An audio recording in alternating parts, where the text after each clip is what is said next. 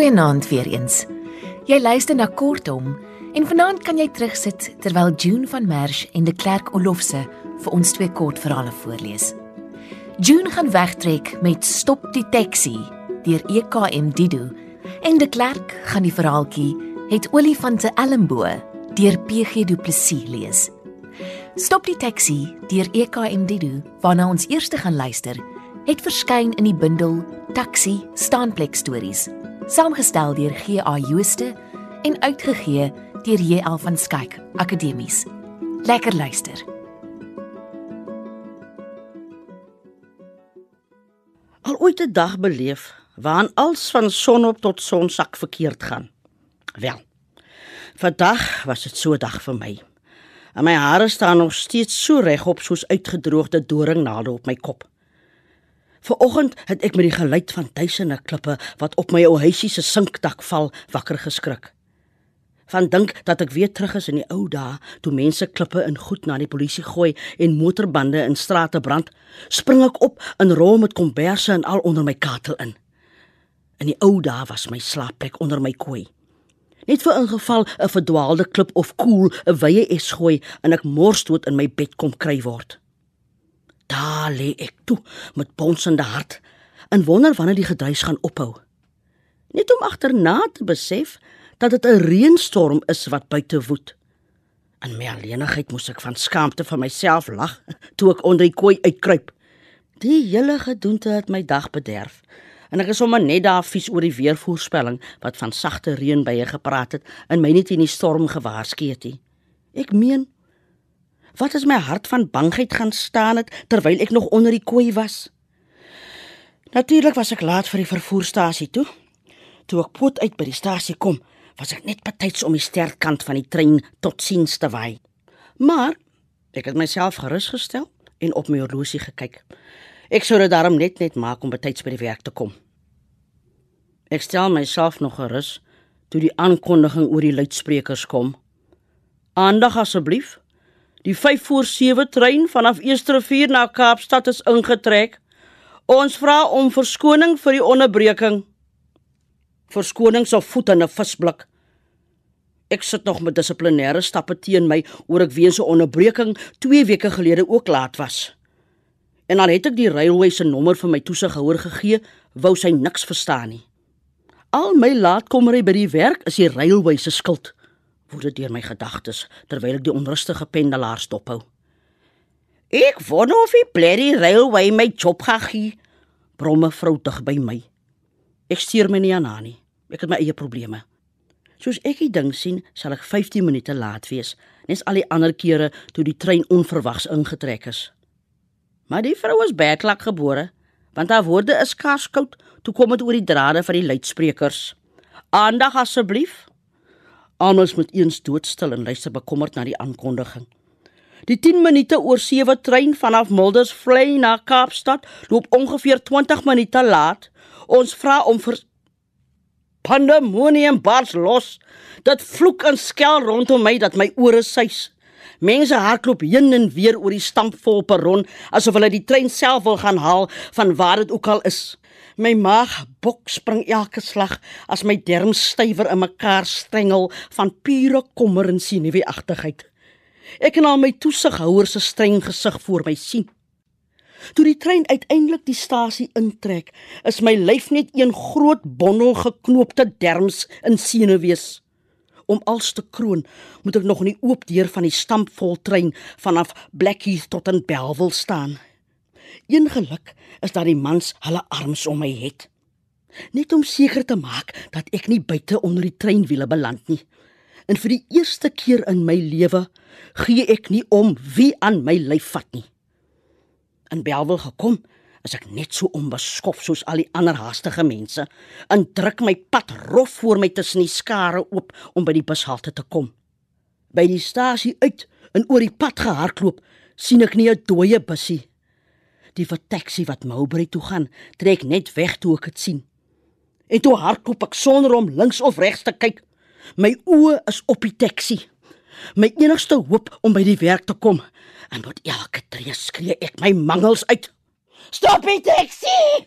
Stop die taxi! Jemise, stop dit! Toe die Xhosa woord uit is, vryt almal soos een man om die taxi te stop. Die bestuurder hoor hulle stop en maak die deur oop.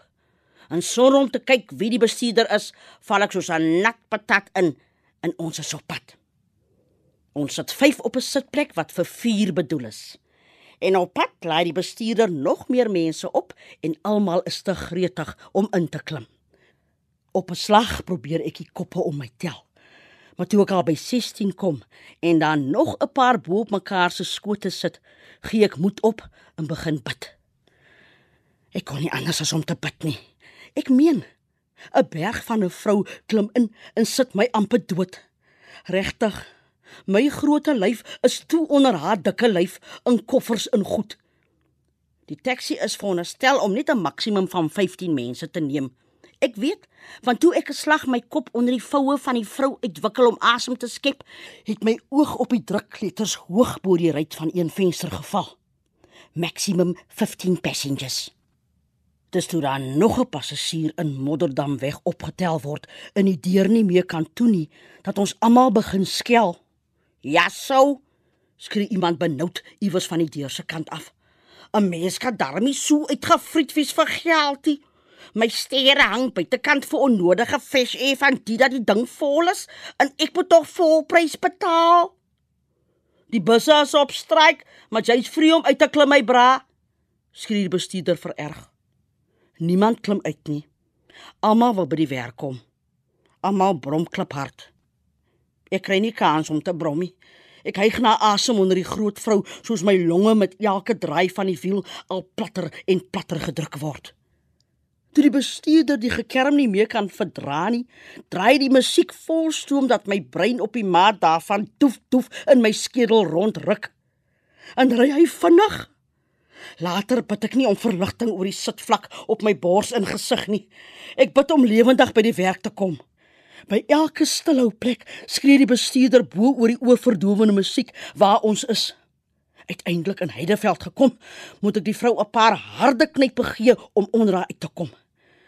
My bene voel soos papjelly toe ek uit die taxi klim en tot by die bestuurder se kant loop om hom vir die rit te betaal. Dit is mos met die betaalslag dat ek na hom kyk en net daar onder my klein geld uithardloop. Luister bietjie hier. Hyg ek toe ek sonder om te klop by my toesighouer se deur inbars. Jy kan jou werk vat en dit sit waar die son nie skyn nie. Ek bedank.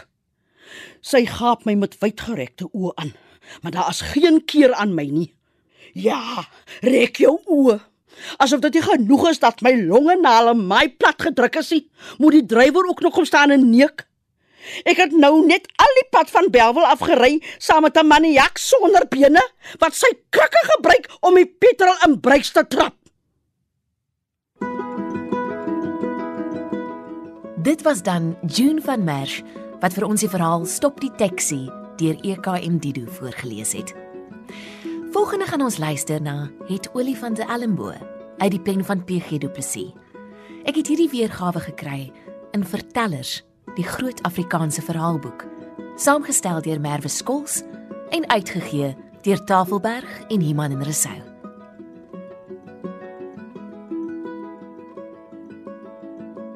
Sy kyk vir my met bruin oë. Sy sê: "Het hy Ellenbo?" Sy is so 8 jaar oud. Sy's ernstig en sy's vuil. Ek neem aan sy praat van die olifant ander kan die draad. Hoe moet ek nou weet? vra ek terug, want ek weet regtig nie. Hulle maak sy voet vas.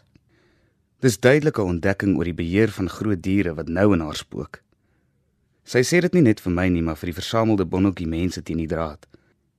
Die sirkus kom staan met tye in Pretoria Wes, langs die skouterrein. Die olifante paradeer dan aan die ander kant van die draad en ek stap soms daar verby. By uitgrawings en olifante staan ek stil om eers te kyk. Sy blykbaar ook. Dit lyk nie of sy veel was of gewas word nie. Daar's 'n skurwe plek agter haar oor en tussen haar wysvinger en duim lê daar 'n winterskurfte. Haar kaal voete het al in die ryp geloop en haar enkelkneukels is donkerbruin. "Kry jy koud?" "Nee," sê sy. Ek het 'n jas. Sy het hom nie aan nie en dis bloot die onnodigheid van my bekommernis wat sy konstateer. Sy vleg haar handjies deur twee diamante van die draad. Anderkant by die betaalhek begin daar 'n tou mense inval. "Gaan jy kyk?" vra ek. "Ek weet nie. Ek dink ek gaan inslip." "O, oh, jy mag nie. Ek sal vir jou betaal." "Ek mag nie geld vat nie." Daarmee is ek afgehandel en verby. Afgehaal. Ek dink ek wil goed doen aan die kind. Ek het seker so gelyk want haar oë bly half bejammerend op my. Nou kry sy my jammer. Damn it, wat gaan aan? As jy gaan kyk, sal ek jou binne kry. Sy sê dit met sekerheid. Asof ek sal gaan en asof sy daar sal wees. Want sy hol al daar om die draai en haar voetjies lig hoog agter. Sy hardloop goed. Ek sien in haar hardloop en in haar eie sinnigheid die lesse van agterstrate. 'n Middag by die sirkus sal my een laat artikel en twee leuns vir en deur my sekretaresse kos oor afsprake wat verpas is. Daarom koop ek 'n kaartjie en gaan sit in die middag in die sirkus.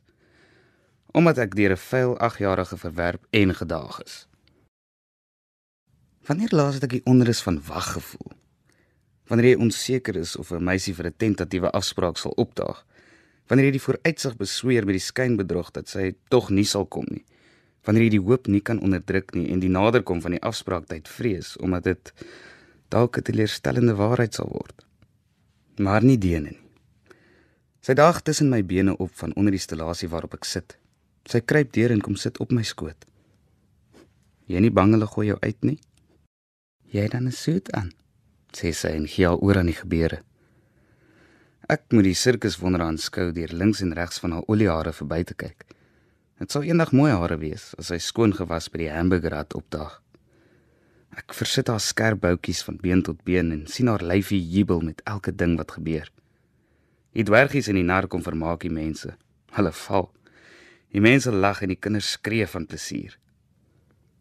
Die diere rukkie voor ek agterkom, die lyfie op my knie het stil geword. Ek gaan nou loop sê sy. Sy glip onder my hande uit tussen die sitstellasies se planke deur. Haar trane in haar oë sien ek en ek gaas my na buite. Sy het van agter die tent af gekom, dit vermoed ek, en ek sien haar langs die agterreining wegloop. Ek haal haar in waar die draad 'n verkeerd omhoek maak. En nou vra ek. Sy staan voor my en ek kan nie uitmaak of sy kwaad is nie naderhand. Eers naderhand, sê sy. Ek wil nie 'n olifant wees nie. Nog later. Hoekom lag mense vir dwergies? Jemelkind, dag ek. Moet dit nie sê nie en moenie trane in jou blink jong oë daarvan kry nie. Sy draai om en kruip deur 'n gat in die draad. Dis my gat sê sy met die deurkruip. Toe hol sy weer. Ek weet ek kan haar nie meer volg nie. Dis haar gat en ek moet vir 'n sekretaresse gaan verskoning aanbied dat ek weg was. By die kantoor lyk die mure na diamantdraad. Ek wonder of ek moet ophou geld vat. Dalk soms inslip in 'n gat van my eie in die draad bewerk. Ek sal, omdat ek nie meer anders kan nie dan maar ophou om vir dwergies te lag. Dit is te laat om nie meer 'n olifant te wees nie.